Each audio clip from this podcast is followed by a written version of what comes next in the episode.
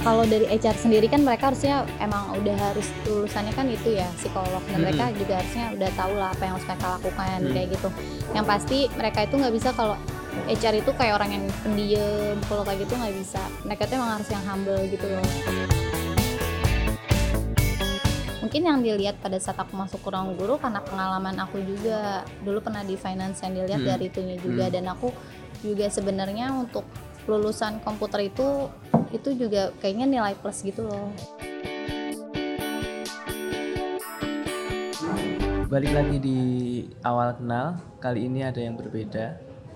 Kita recording di eh, outdoor ya, di estuari.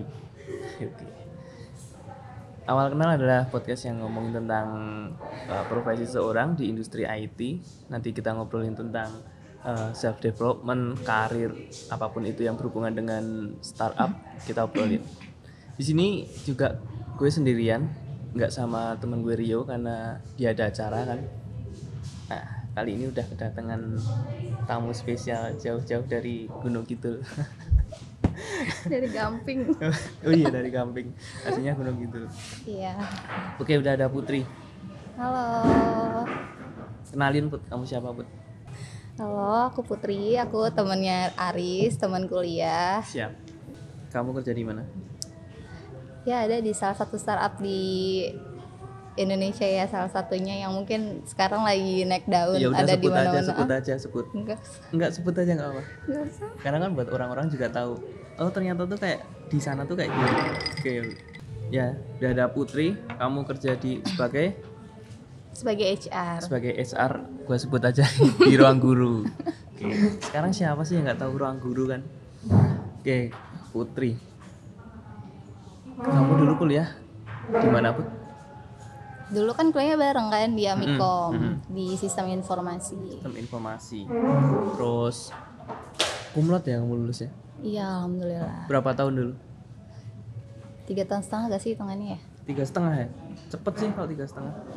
Apalagi di Amikom juga gampang ya kumlot ya. Gampang. iya Yang penting asal kamu masuk terus kalau ujian udah itu paling tugas ngumpulinnya tepat Ya, waktu Oke, kamu setelah lulus nih, bingung tuh pasti. Mau kerja apa kamu udah kepikiran nggak?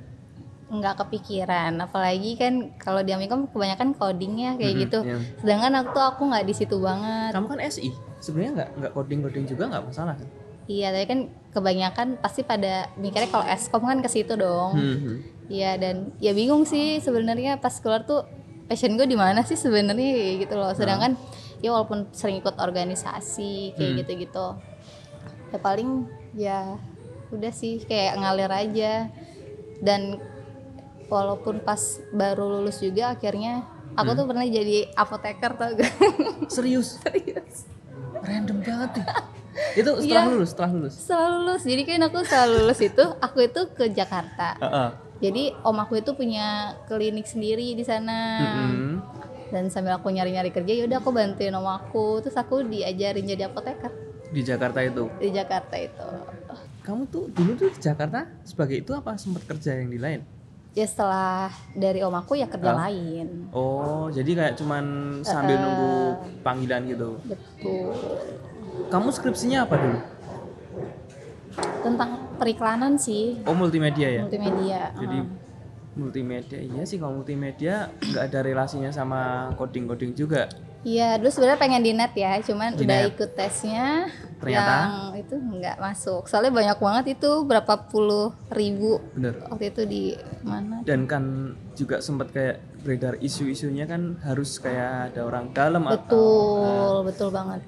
jadi udah harus ada relasi di dalam dulu untuk bisa ini kan tapi mungkin sih kalau fase sekarang sih masih pengen nggak nih masuk ke net nih Enggak, enggak enggak. udah tahu kan Udah tahu. ya udah oke berarti kamu dari multimedia pengen masuk ke televisi ya itu waktu itu Mm-mm.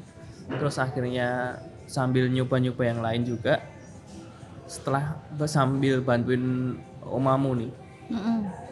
ke mana Aku ke salah satu perusahaan tapi dia di bidang elektronik gitu. hmm. Tapi aku di bagian finance. Jadi Finance. iya setelah itu aku finance Jadi Sedikit kamu benar-benar kayak orang tipenya yang apa aja lo kerjain gitu ya? iya iya coba aja sih emang bingung kan ya finance gitu loh Hah? makanya accurate waktu itu apalagi ya aku sebenarnya akunting ya itu ya harusnya Akunting. itu juga nggak terlalu menguasai banget cuman dijalanin aja tapi ya bisa soalnya kan belajar juga kan Hmm. Ada yang ngajarin. SPSS gitu nggak? kalau sales enggak makanya accurate Oke. Tapi kamu eh, nyaman aja sih kamu kerja kayak gitu. sebenarnya yang bikin nyaman gak nyaman kan lingkungannya ya Hmm. kalau untuk kerjanya sendiri ya nyaman-nyaman aja cuman yang kadang bikin kita nggak nyaman eh, lingkungan kerjanya terus kayak orang yang kerja sama-sama kita di ruangan itu atau di perusahaan itu kayak gitu sebenarnya dulu Hmm. nyaman-nyaman aja sama pekerjaannya cuman kadang ya di lingkungannya yang bikin aku nggak nyaman sama mungkin sistemnya yang di sana ya Hmm. kurang aku suka Oke. Setelah kamu masuk ke finance, jadi kamu belajar di situ tuh malahan Iya, tentang finance. tentang finance, bikin surat jalan, bikin Mm-mm, invoice, kayak gitu. Terus bikin kalau faktur pajak enggak sih, itu ada sendiri. Itu kenapa kamu bisa diterima sih? Padahal kamu nggak ada basic itu. Ya karena aku pertimbangannya dulu lulusan komputer, jadi ya mungkin kalau diajarin cepat bisa kayak gitu. Fresh grade juga kan. Mm-mm. Ya mungkin pertimbangannya di situ sih. Tapi kamu waktu awal dibilangin kalau kamu mau jadi finance, kamu mau nggak gitu? Dan kamu mengiyakan. Enggak, emang posisinya yang waktu itu Kamu aku apply? apply finance. Pede banget ya. Gede banget. Padahal. Sebenarnya dulu pernah keterima juga Hah? CS di JNE Mm-mm. Jakarta, Mm. cuman nggak aku ambil. CS mana? CS mah nggak ada jenjang karirnya juga sih. Iya makanya. Di finance kamu akhirnya keterima, Mm-mm. tapi si perusahaan apa namanya yang hire kamu tahu kan bahwasanya kamu tuh bukan basic dari finance kan? Tahu lah, Akhirnya di situ diajarin. diajarin dari nol. Untungnya Tapi kan kamu karena kan mungkin aku udah tahu basic komputer kan ya. Mm-mm, Mungkin mereka mikirnya oh udah anaknya dia udah tahu teknologi lah atau kayak gimana. Sama juga pertama kali juga tuh kenalan sama aplikasinya kan. Mm-mm. Accurate itu. Tapi kan mm, mathmu nggak ada. Iya sih. Tapi ya udah deh sih ngalir aja. Oke. Ya untungnya kamu bisa nerima, maksudnya kayak mau sih mau ngerjain itu. Mm-mm. Gitu. Kalau misalkan ada sebagian orang ya termasuk aku sih, aku nggak mau sih kayak misal aku udah di basicnya tech ternyata disuruh tata boga atau apa untuk masak kan mungkin nggak. Iya, iya betul. Tapi kan kalau itu sih aku pertimbangannya karena masih ya udah masih Masih baru, masih, masih ba- baru lulus gitu ya. baru lulus ya udahlah buat pengalaman buat menu-menuhin CV. Iya benar benar. Itu ada sih yang tipe-tipe orang semua kerjaan kalau dia merasa oke. Kalau kamu kan emang udah Ajar. basicnya di situ, udah ketahuan. Kalau aku kan dari awal abis lulus aja bingung, aku mau jadi apa Bener. aku nggak tahu. Eh, sebenarnya kunci yang paling tepat untuk bagi kalian yang masih bingung nih mau kerja apa, Mm-mm. lo cobain aja semuanya. Mm-mm. Lo nyobain ini itu kamu lo cobain nanti bakal ketemu. Oh ternyata enak ya di bagian. Mungkin kamu kan di- pernah nyobain jadi apoteker. Bisa juga kamu malah seneng nih. Wah ternyata asik jadi apoteker. Ternyata setelah kamu nemu finance, Uh-uh. kamu kan bisa ada perbandingan tuh. Berarti lebih enakan mana apoteker atau finance? Kalau enak sih, Hmm. enakan ya apoteker lah. Maksudnya kan ya masih sama keluarga aku juga. Oh, Maksudnya iya. nggak yang ngoyo banget. Cuman kan karena Tapi kamu aku ngeracik obat. Iya ngeracik obat. Gak ngeracik Aku obat yang tuh- nggak iya. berpengalaman di bidang obat. Hati-hati. Ini pasiennya bisa.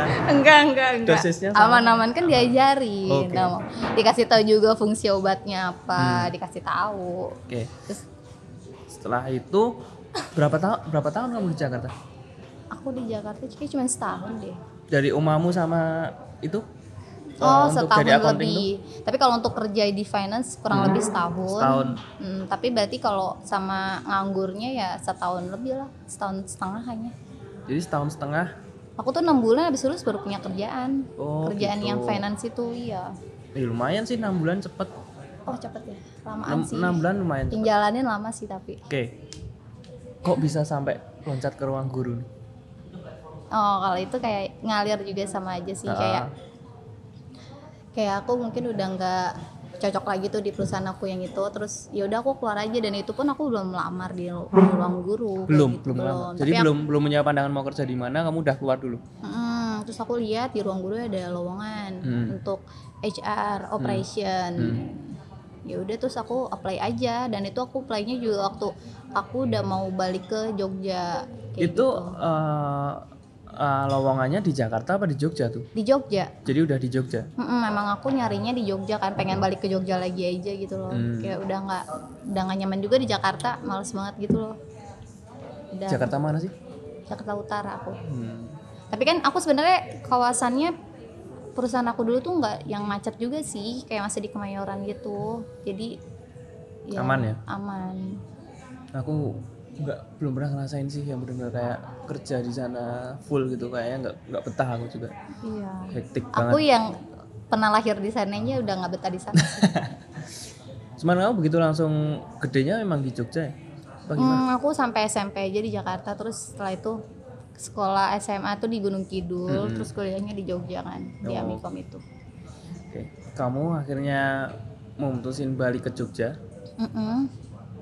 Eh apply lah ke ruang guru sebagai HR Mm, itu pun aku juga yang nggak tahu lah.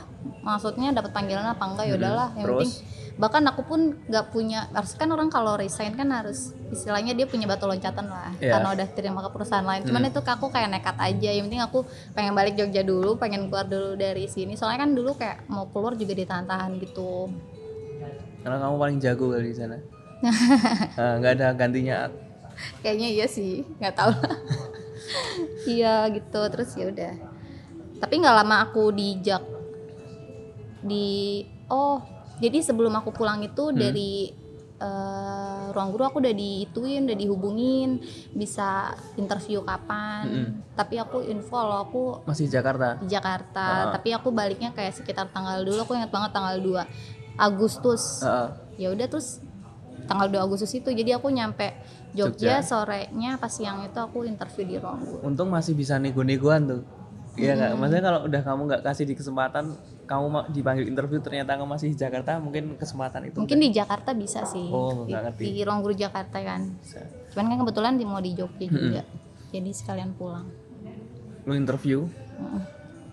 dan gimana respon dia? Mereka apa? Ya udah sih kayak ya udah apalagi kan aku basicnya juga nggak ada di HR, HR, ya benar. Heeh. Kalau HR, HR tuh biasanya kuliahnya apa sih? psikolog Psikologi kalau nggak manajemen Oh manajemen bisa ya? Manajemen atau manajemen psikolog? bisa. Oh, baru tahu aku. Dan itu nggak ada di kamu semua malah. Tapi untungnya kamu dapat manajemen dikit di perusahaan Di- yang lama kan. Iya. Hmm.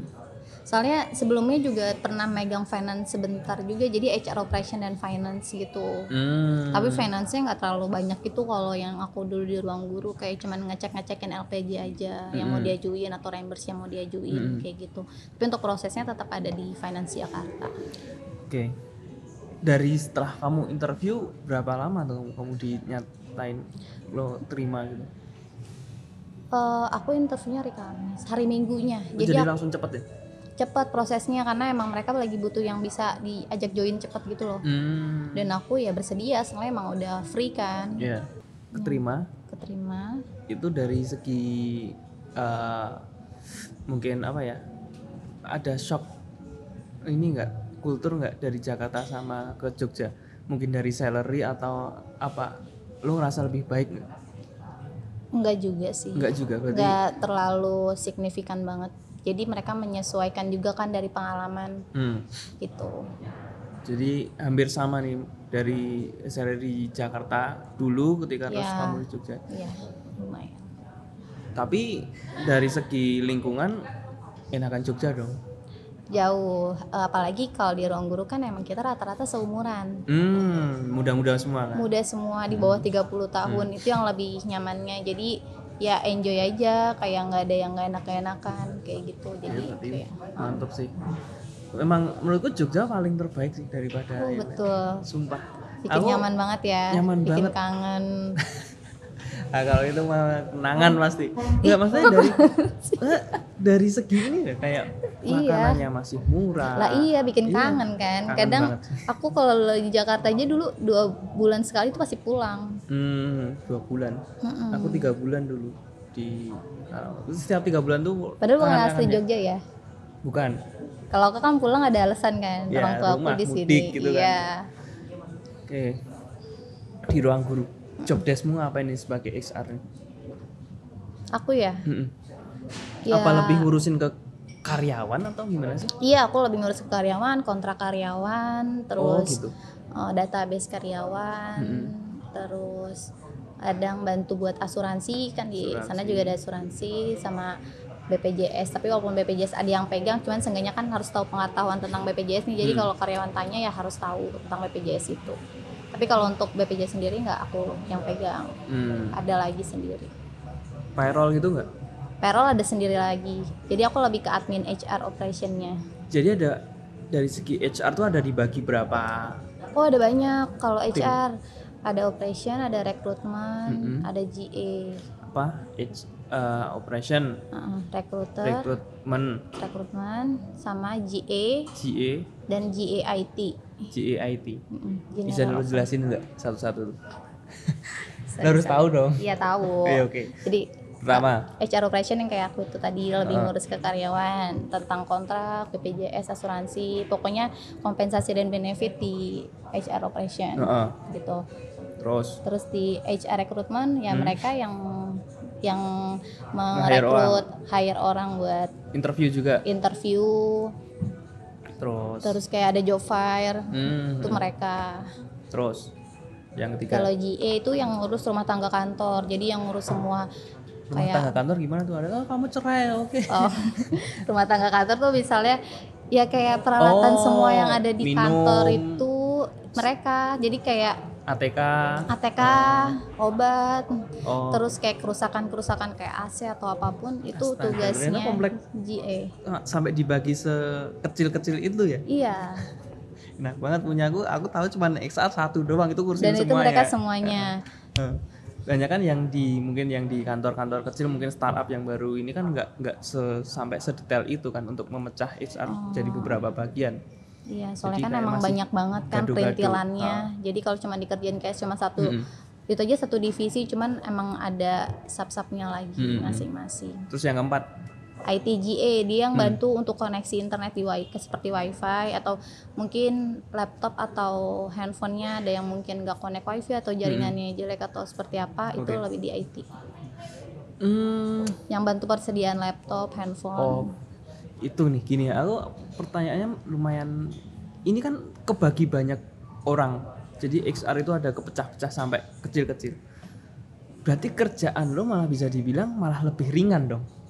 Yang harusnya kalau di XR eh, kantor lain mungkin yang satu XR ngurusin semuanya, tapi di lo XR tuh kebagi kayak udah fokus gitu fokus. ya Bisa dibilang kerjaan jadi lebih simpel nggak? iya betul. Enak tapi kan tuh. kita kan karyawan juga nggak sedikit kan? Di Berapa Jogja tuh? sedikit eh di Jogja aja kita ada 600-an 600 dan itu kamu ngurus di Jogja doang apa di, di Jakarta? Jogja aja di. Jakarta ada sendiri. 600 serius? Serius. Itu terpusat dalam satu kantor? Dalam satu kantor. Gede banget ya? Iya. Sumpah itu kayak Jadi kalau emang kalau kita cuman kerjain kayak semuanya general Hmm. kita kerjain semuanya ya bakal susah. Oke, Jadi dibikin kayak gede banget ya enam- 600 jadi kurang lebih segitu. aku belum pernah ngerasain sih kerja di yang kayak gede banget. Aku paling kerja paling banyak paling mentok seratusan sih. Tapi kalau untuk 900 wah itu gila banget. Maksudnya bener sih kayak jadi empat tim ini perlu banget ya kalau udah terlalu banyak eh, karyawannya ya kan. Oke, jadi lebih malah kerjaannya lebih fokus dan lo tadi sebagai operation Operation. jadi ngurusin kontrak Mm-mm. Terus? ngurusin database. Kalau ada yang masuk, karyawan ya mm, kalau ada masuk untuk penjelasan kompensasi benefit yang ada di ruang guru itu aku yang jelasin. Jadi mereka yang baru join di ruang guru biasanya jadi ketemu sama aku ketemu dulu kamu- kamu brief dulu kan Eh, untuk kontrak kerja dan lain-lain. untuk cuti kayak gitu kamu juga Iya cuti bisa ke aku. Nah sisa cuti karyawan lain-lain nah kayak gini nih HR sekarang kan apalagi udah banyak banget aplikasi yang ngebantu banget untuk HR. Harusnya HR itu lebih fokus untuk bu- bukan ngurusin masalah cuti, bukan ngurusin masalah gitu juga. Karena itu eh, yang basicnya bisa dihandle sama apps.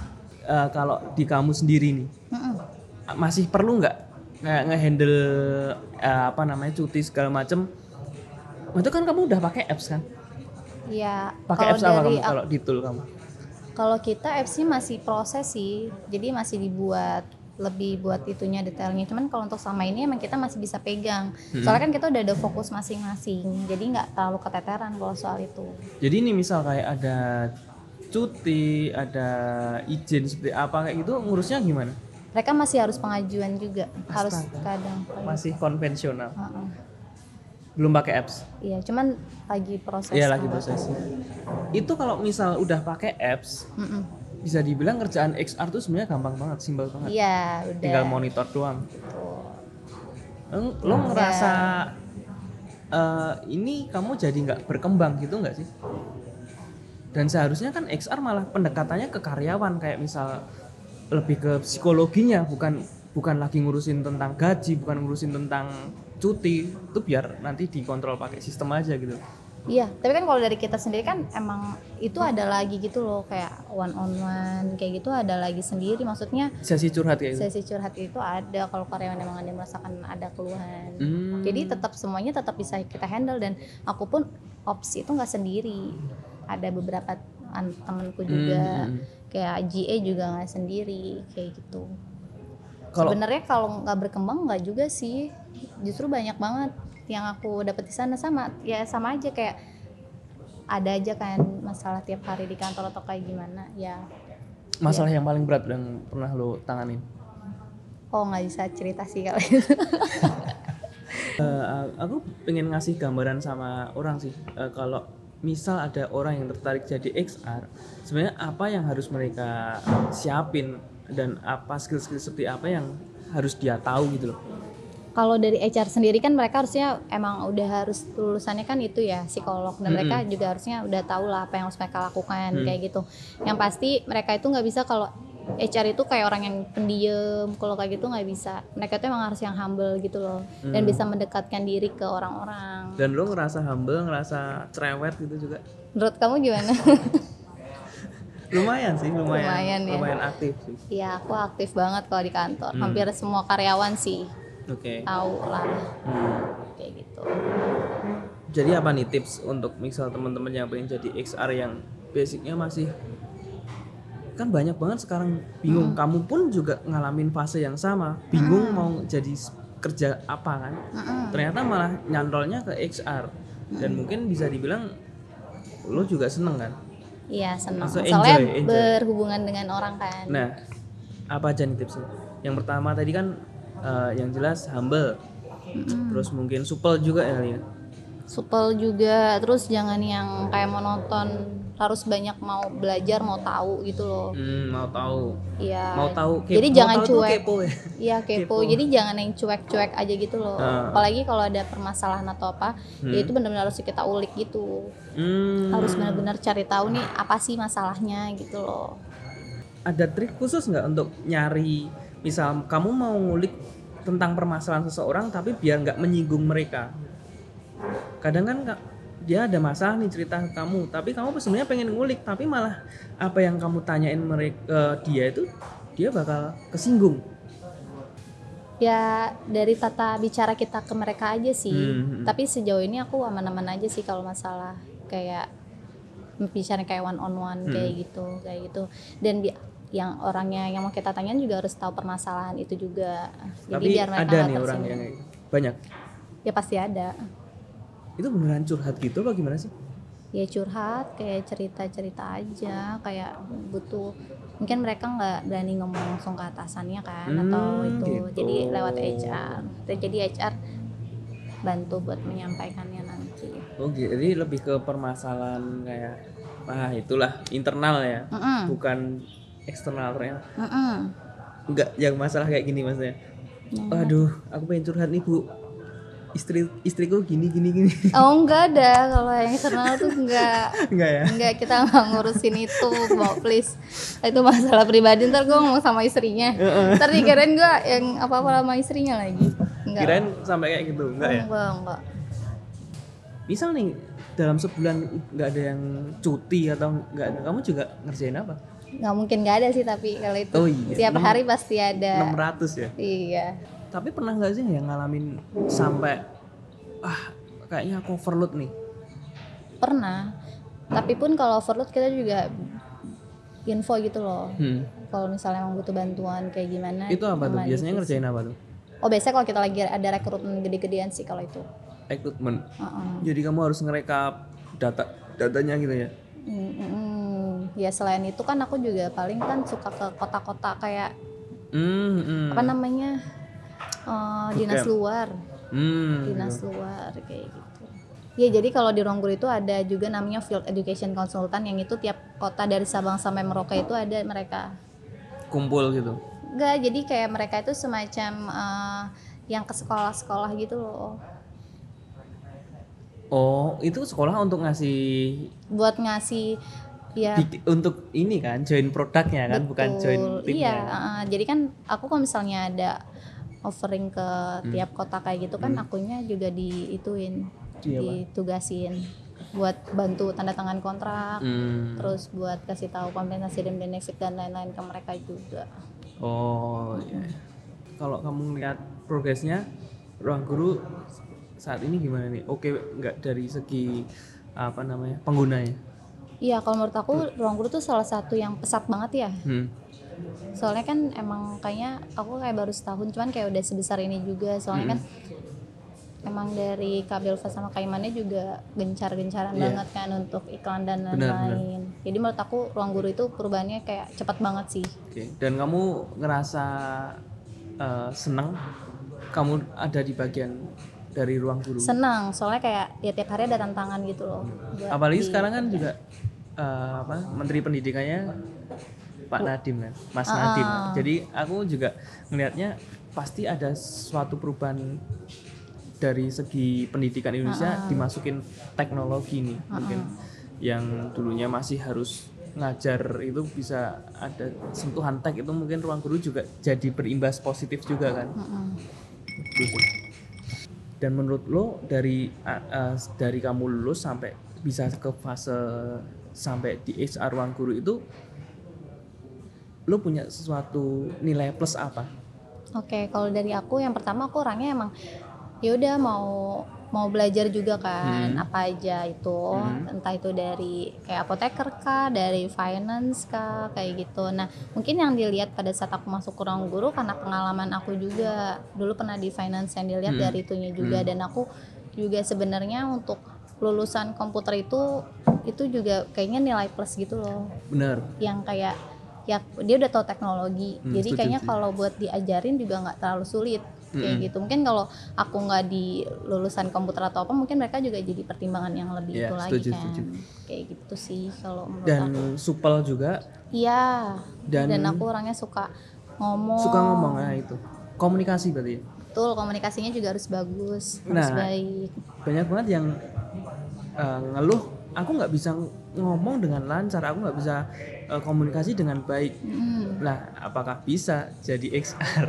Harusnya sih kalau kayak gitu kan udah biasa dari kuliah gak sih ya kayak kita aktif Hmm. organisasi Bener, Atau cuman nggak nggak nggak selamanya bisa juga karena itu balik ke masing-masing masing individu. ke orang iya iya sih cuman kan kalau emang udah sering ikut organisasi atau enggak dulu kan aku juga pernah jadi asisten dosen Bener. Mm-mm. dan relasi Komunitas juga, juga, sih lumayan banyak ya kamu ya. kalau komunitas aku ikut-ikut aja kan cuman gak ikut ke orga kayak pengurusannya Cuman asdos itu kan lumayan jadi nilai uh, untuk belajar ngomong juga kan. Mm-mm. sama relasi ya Mm-mm, mm. Oke, itu eh, eh, gini yang jadi problematikanya, apalagi kamu SI ya, kamu SI, aku aku TI. Orang teknik tuh rata-rata nggak bisa ngomong, bener nggak sih? Jadi dia cuman bisa tentang eh, ininya, skillnya doang. Dia skillnya jago, tapi kalau untuk komunikasi tuh orang teknik tuh rata-rata juga susah. Ya mungkin itu orang teknik yang mungkin mereka udah tahu passionnya di kayak Mm-mm, kamu gitu mm-mm. kali ya Tapi itu, itu kan juga jadi semacam kendala mungkin di teamworknya. Nah, kalau aku kan dulu kalau di sistem informasi juga lebih mas ngambil konsentrasinya di multimedia. Hmm. Dan di mana aku juga sama teman-teman kayak sering bikin video, Hmm. kayak bikin bikin nih kayak gitu gitulah. Iya, iya. Berarti kamu udah berapa tahun di? Setahun. Setahun. Masuk setahun bulan apa sih? Agustus. Berarti bareng sama aku. Agustus kan? Hmm, Iya, aku, Agustus aku awal. juga pindah di Jogja Agustus. Setahun lima bulan. Eh, Agustus, September, Oktober, November, ya, empat bulan. Mm-mm. Dari setahun ini. Apalagi kamu mau nikah. Dan aku mau ngulik gimana sih sudut pandang si Luput sebagai HR yang mungkin udah tahu ngurusin banyak banget orang. Kamu bisa ngurusin diri kamu sendiri nggak dari segi finansial? Gimana kamu nge-spare gajimu dan gimana kamu eh, maksudnya gimana mengelola keuangan kamu sekarang? Oh gitu. Hmm. Kalau aku sih jujur ya kalau untuk mengelola keuangan sebenarnya masih masih acak-acakan. Heeh. Cuman itu tertata semenjak ya kalau pas aku udah punya tujuan itu kan yang men- menikah itu. Iya. Jadi nggak boleh hedon-hedon banget. ketemu tujuan aku harus nikah tuh kapan? Aku awal tahun ini sih. Awal tahun baru ini awal tahun ini. Mm-mm. Tapi kalau untuk awal tahun kayak baru rencana kan. Mm-mm. Iya itu. Dari per awal tahun ini aja jadi yang kayak gitu. Jadi kemarin Cuman kamu kan karena ada calon juga kan, dia juga ikut bantu jadi nggak yang sendirian buat nabung gitu loh. Oke, buat berarti eh, mulai ketata tuh kayak begitu kamu dapat gaji, kamu harus nyisin berapa persen ini untuk eh, tabungan nikah, terus jajan gitu. Itu mulai ketata. Sebelumnya nggak pernah. Enggak, soalnya kita kayak udah kayak belum kepikiran ke situ jadi Hmm. kayak seneng-seneng aja gitu gak sih? Apa kamu kayak gitu juga? Enggak, enggak. Oh enggak ya. Jadi begitu Bagus, dulu bagus. dulu dulu berarti begitu kamu misal dapat gaji selalu habis tuh. Enggak juga sih kalau habis pasti ya- harus lah kayak kalaupun cuma berapa ratus ribu harus ada masuk. Tapi nggak ke plan untuk nabung Mm-mm, buat nyisihin apa? berapa buat itu? apa? Oh. Jadi memang setahun terakhir ini kamu baru bisa intens mengelola keuanganmu sendiri kan untuk nikah dan alhamdulillah tadi kapan sih? Bisa lah datang. Insya Allah itu libur aku cuti panjang kan? Mm-mm. Iya kan? Mm-mm. Ya Aku juga sama sih cuti juga sampai tanggal kayak kamu 31 Itu kan cuti habis nikah. Iya, cuti menikah. Iya biasanya kasih, kasih ada kayak gitu sih. Kayak itu dan nggak ngambil cuti tahunan kan? Kakakku tetap ngambil cuti tahun. Lu kok gitu sih? Iya biasanya kan? enggak sih? Enggak kan kalau dari pemerintah juga nggak sepa- nggak sebanyak itu cuti menikah. Oh, Ada berapa hari doang gitu. Hmm, nah itu tuh menarik. Berarti kamu juga tahu nih kebijakan-kebijakan pemerintah ketenaga kerjaan punya aturan seperti itu. Ya harus. Itu yang aku yang benar-benar nggak ngerti. Jadi kadang eh, banyak karyawan yang sama sekali apatis sebenarnya nggak ngerti sebenarnya ini tuh udah ada aturannya loh. Ini tuh harus misal kalau pemerintah netapin cuti itu kita harus cuti loh. Kalau kita suruh kerja berarti kita dianggap untuk Lembur. lembur. Mm-mm. misalnya gini nih ternyata besok cuti nih tapi ternyata aku suruh masuk dari pemerintah cuti aku suruh masuk tapi cutiku eh eh, aku diliburin di hari lain boleh nggak tuh Boleh boleh ganti cuti. ganti cuti Uh-uh, Tapi itu tidak memotong cuti. dan itu nggak dipermasalahin un- oleh undang-undang Sebenarnya kan enggak dan itu kan juga tetap buat dia bisa memakai haknya dia ataupun itu di hari lain dan itu pun pasti karena persetujuan dia juga hmm. harus bersedia juga sih soalnya kan di kontrak juga udah diituin kan kalau perusahaan emang butuh tenaganya dia Iya, dan sewaktu-waktu dia harus bisa gitu loh Iya. Ada aturan yang untuk cewek yang head hari pertama Mm-mm. itu beneran boleh. kalau di tempatku boleh tapi harus ada surat keterangan dokter Oh harus tetap Heeh. ada surat keterangan dokter. Mm-mm. Padahal sekarang banyak banget sih marak yang bikin surat keterangan dokter palsu. Oh, kalau itu balik ke orangnya masing-masing sih. Tapi kita kalau mungkin Nah. ada kejanggalan dari surat dokter, pasti kita akan telusurin juga, ya. Banyak sekarang lagi banyak. Jadi kayak Iya sih. iyalah minta surat keterangan dokter abal-abal. ya, abal-abal. Tapi boleh itu nggak memotong cuti. Mm-mm. Tetap digaji nggak tuh? Iya, Jadi ya ibaratnya tetap nggak motong gaji juga, dia boleh izin. Oh gitu. Itu untuk berlaku untuk hari pertama doang atau pertama kedua? Tergantung dari Suratnya surat tadi? dokternya iya. Kayak dokternya mengizinkan maksudnya menyuruh dia buat istirahat berapa hari kayak gitu. Ya man juga kita kan taunya mereka sakit ya masa orang Hmm. sakit selalu kerja kan nggak Iya. mungkin kan. Apalagi nih yang mungkin teman-teman banyak yang nggak tahu info-info terbaru yang tentang tenaga kerjaan paling BPJS ah BPJS gimana kalau BPJS itu sekarang kan ada pemerintahan juga ya yang dari pemerintah maksud aku dibayarkan oleh pemerintah BPJS itu ada nggak ngerti aku sumpah Gimana ada tuh? jadi tuh kalau di kampung-kampung Ah. atau yang desa-desa itu biasanya mereka ada tuh yang udah ikut pemerintah Mm-mm. Nah, di perusahaan aku dulu banyak yang kayak gitu. Cuman di ketenaga kerjaan yang baru sekarang atau peraturan yang baru Hmm. sekarang untuk eh, karyawan atau yang sudah mempunyai kayak penghasilan sendiri, Iya. itu harus sudah lepas dari pemerintah. Jadi mereka harus ikut BPJS corporate. oh Kayak gitu. See. jadi yang Kecuali ya kalau mungkin dia belum punya pekerjaan atau apa ya apa-apa. Hmm, kalau belum punya pekerjaan masih dibayarin pemerintah gitu maksudnya. Mm, mm, mm. Oke. Eh, aku juga di kantorku sendiri itu ada potongan BPJS antara BPJS tenaga kerjaan sama BPJS kesehatan. Mm, mm. Bener nggak sih? Aku tuh nggak ngerti antara BPJS kesehatan itu untuk di mana, BPJS ketenaga kerjaan itu untuk di mana. Oke, untuk BPJS kesehatan, ya itu kan kalau untuk kita berobat ya. Tapi Mm-mm. kan kalau itu BPJS kesehatan itu kita nggak bisa langsung ke rumah sakit gede. Mm-mm. Jadi harus kayak ke puskesmas atau Bener. Eh, Mm. klinik yang udah itu dengan BPJS. Mm. Kalau mau ke rumah sakit besar itu kan biasanya dia harus pakai rujukan dari yang puskesmas atau klinik itu yang dari. BPJS itu. Nah kalau untuk ketenaga kerjaan itu biasanya dia itu ada saldo juga. Mm-mm. Jadi kamu kayak nabung. Nabung. Heeh. sama BPJS ketenaga kerjaan itu juga dia bisa mengcover kalau kamu ada kecelakaan kerja. It- misal itu nanti bakal dikasih waktu apa? Maksudnya itu kan nabung kita. Mm-mm. Nah itu kalau kamu resign atau kamu habis kontrak dan tidak melanjutkan kontrak, Mm-mm. nah itu satu bulan setelah kamu resign itu Mm. kamu bisa mencairkan. Tapi mencairkannya itu harus pakai surat eh, keterangan kerja atau rekomendasi kerja dari perusahaan sebelumnya itu. sebelumnya. Mm. Terus misal nih aku resign tapi aku pindah ke eh, kantor lain. Mm-mm. Padahal kan dia juga mewajibkan adanya BPJS sama BPJS ketenaga kerjaan itu langsung bisa diperpanjang gitu atau Bisa dimutasi, dimutasi ya istilahnya. Mutasi. Jadi kayak melanjutkan.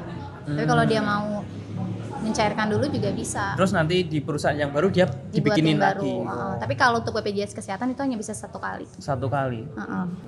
Dan sekarang isunya memang udah final belum sih? Katanya kan naik berapa persen? Hampir berapa belum kali? sih, lipat? aku belum. belum dapat Dan itu kalau untuk kenaikannya. jadi polemik juga kenapa BPJS kesehatan mahal banget kan sekarang. Tapi kan kalau udah yang di perusahaan kayaknya udah nggak mikir itu ya. Maksudnya eh, udah dipotongin dari Kalau aku buat BPJS kesehatan buat perubahan itu belum ada info lagi sih kayak Hmm. gitu. Iya Itu- sih emang ada itu ya, mau naik-naik gitu ya. Mm-mm. Hmm, katanya hampir berapa kali lipat gitu kan. iya. Kalau di tempatmu sendiri ada ngasih benefit apa aja sih untuk karyawan-karyawannya? Benefitnya Heeh, ya ada BPJS, Ah. ketenaga kerjaan, kesehatan, bener. asuransi, Mm. cuti, sama Cuti THR. 12 kali ya. Mm-mm.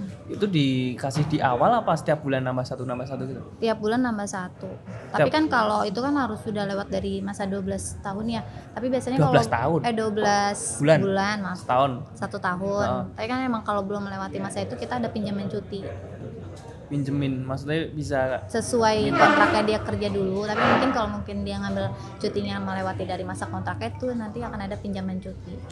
kayak misal makan siang gitu ada nggak sih? Oh akan siang ada catering Gratis. gratis. Enak dari banget sumpah. Itu udah nggak nggak mikir kan? Maksudnya makan siang kamu makan apa nggak mikir kan? Iya kan udah dari tim. Oh ya dari tim apa tadi GA itu juga ngurusin catering. Hmm, jadi itu makan di kantin bareng-bareng gitu atau gimana sih? Enggak, jadi kita box. Box Heeh. per masing-masing divisi apa sama semua tuh sama 600 semua orang? sama semua menunya Menunya sama semua. menunya sama semua Itu enak banget sumpah. Kalian udah nggak mikir setiap siang tuh nggak mikir makan apa ya makan apa? Jadi Iya, udah mungkin udah kalau aman. mereka mau ya mereka go food sendiri kan tapi tetap jatah ada kan? kita ada Enak banget. Terus eh, makan siang ada, snack kayak gitu. snack enggak tapi kita kayak tiap hari Jumat itu kayak ada Nah, misalnya juice day atau Mm. brunch day atau eh, healthy day Itu nyiapin untuk semua karyawan. semua karyawan. Tapi tiap hari Jumat. Jumat ya. Astaga enak banget terus eh, tempat olahraga, Tempat olahraga enggak sih Caka, tapi kita ada kayak futsal futsal atau badminton, tapi itu di luar. di luar. Tapi itu dari perusahaan Jadi buat karyawan. di reimburse kan. Ah, ah, dibiayai Hmm, perusahaan. terus apa lagi ya? Game. Game-game kayak itu Kalau game enggak sih, kalau game biasanya mereka per divisi ya. per divisi. Kan kita juga kadang ada happy hour. Mm-mm. Itu happy hour biasanya dia mereka per divisi atau per tim. Ada sendiri. Itu jamnya terserah divisinya Terserah divisinya. di setiap hari. Nggak tiap hari sih. Ya per jadi adalah jatahnya sendiri gitu buat happy hour. Hmm, terus hmm, catering gitu tiap tahun Catering ada tiap tahun. Itu per divisi apa bareng semua? Bareng semua. Banyak banget dong. Entah itu nginep ataupun outbound. Banyak banget. Iya, tapi kan itu kayak setahun sekali kan kalau Iya, catering. setahun. Hmm. Biasanya ke mana? Terakhir kita kemarin tahun lalu ke Bogor. Bogor jadi bareng-bareng 600 orang. Ih lebih lah kalau di gabungin se Indonesia kita nyampe dulu masih 2000-an kayaknya. Astaga, gede banget ya. Mm-mm. Aku nggak nyangka sih sampai segede itu. Benefitnya lumayan banget Put, itu. Maksudnya di dibandingin mungkin di kantor-kantor yang uh, Ya startup. mungkin karena startup juga kan ya. Dan itu juga bisa jadi sebuah pertimbangan orang untuk masuk di startup. Maksudnya jangan kadang mikirnya ah aku masuk di startup ini tapi gajinya kecil nih. Tapi dia nggak nggak melihat benefit apa yang diberikan. Mm-mm. Benar nggak sih? Mm-mm. Jadi misal kamu nih, kamu taruhlah kamu misal digaji berapa sih? Gaji 5 juta, tapi kamu harusnya kamu juga ngelihat benefit apa yang diberikan. Mm-mm. Ternyata misal kamu kalau bisa manfaatin semua benefit itu dengan baik, mungkin itu kalau dikalkulasi jadi materi, jadi uang bisa jadi kamu nerima ke 7 juta atau 8 juta itu lumayan banget. Jadi misal nih, ternyata di situ ada tempat olahraga tapi kamu nggak pernah manfaatin ya sama aja kan. Mm-mm. Itu sebenarnya kan udah fasilitas tapi kamu nggak pernah manfaatin. Terus ada makan siang, makan siang itu udah lumayan loh. Misal makan siang Tempatmu nggak ada makan siang? nggak ada. Oh. Jadi kalau misal ada makan siang 15.000 sehari atau lah 20.000 sehari kali 30 28 hari. Dua- 20 28 eh 2 Empat. dan 24 itu udah lumayan daripada kamu ngeluarin uang sendiri untuk jajan kan. Itu yang banyak orang eh, nggak mikir sampai segitunya dan mungkin eh, ini pengalaman apalagi di ruang guru kan juga banyak banget orang kamu bakal ketemu banyak teman-teman baru teman-teman yang mungkin lebih jago sama kamu bisa untuk diskusi Sharing. juga sharing kan ya itu juga dipertimbangin aku juga mikir gitu sih Eh, Apalagi seru tuh kalau di ruang guru tuh benar-benar nggak ada yang eh, ya rata-rata seumuran. mm-mm, Seumuran. jadi nyambung lah Mm-mm. ngobrolnya kan Mm-mm. Oke hampir wah udah sejam lebih kita berbincang sama Putri. Mungkin banyak banget yang tadi pengalaman si Putri dari lika-likunya gimana kok bisa jadi XR di ruang guru ya. Terus eh, banyak banget tips-tips dari Putri juga, informasi yang menarik, informasi yang bermanfaat bagi teman-teman seputar bidang XR. Semoga nanti bisa memotivasi teman-teman. Terus mungkin jadi ada yang tertarik nih pengen jadi XR juga kayaknya aku bisa nih jadi XR kayak Putri nih yang mungkin kalian lebih jago nih setelah yang masih kuliah begitu lulus bisa di prepare dari sekarang. Tuh. Biar nggak bingung tadi habis lulus mau ke mana. Nah jangan bingung sama kayak kamu dulu ya. Iya betul. Oke. Thank you, makasih ya Put Iya sama-sama. Thank you juga. Ketemu di awal kenal episode berikutnya sama orang-orang keren lainnya. Bye bye, salam kenal. Itu kamera.